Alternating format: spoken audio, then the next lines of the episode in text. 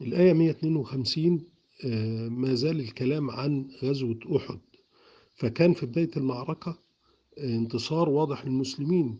فالآية هنا بتقول ولقد صدقكم الله وعده إذ تحسونهم بإذنه. تقتلونهم تقتلون الكفار بإذن الله. دي في بداية المعركة. حتى إذا فشلتم وتنازعتم في الأمر وعصيتم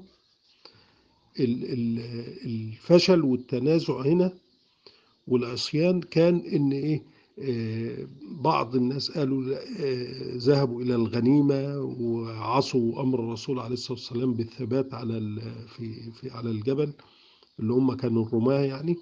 فده كان بداية الايه الفشل والتنازع في الأمر. ننزل ولا ما ننزلش؟ آه، وعصيتم الأمر. من بعد ما أراكم الله ما تحبون من النصر يعني.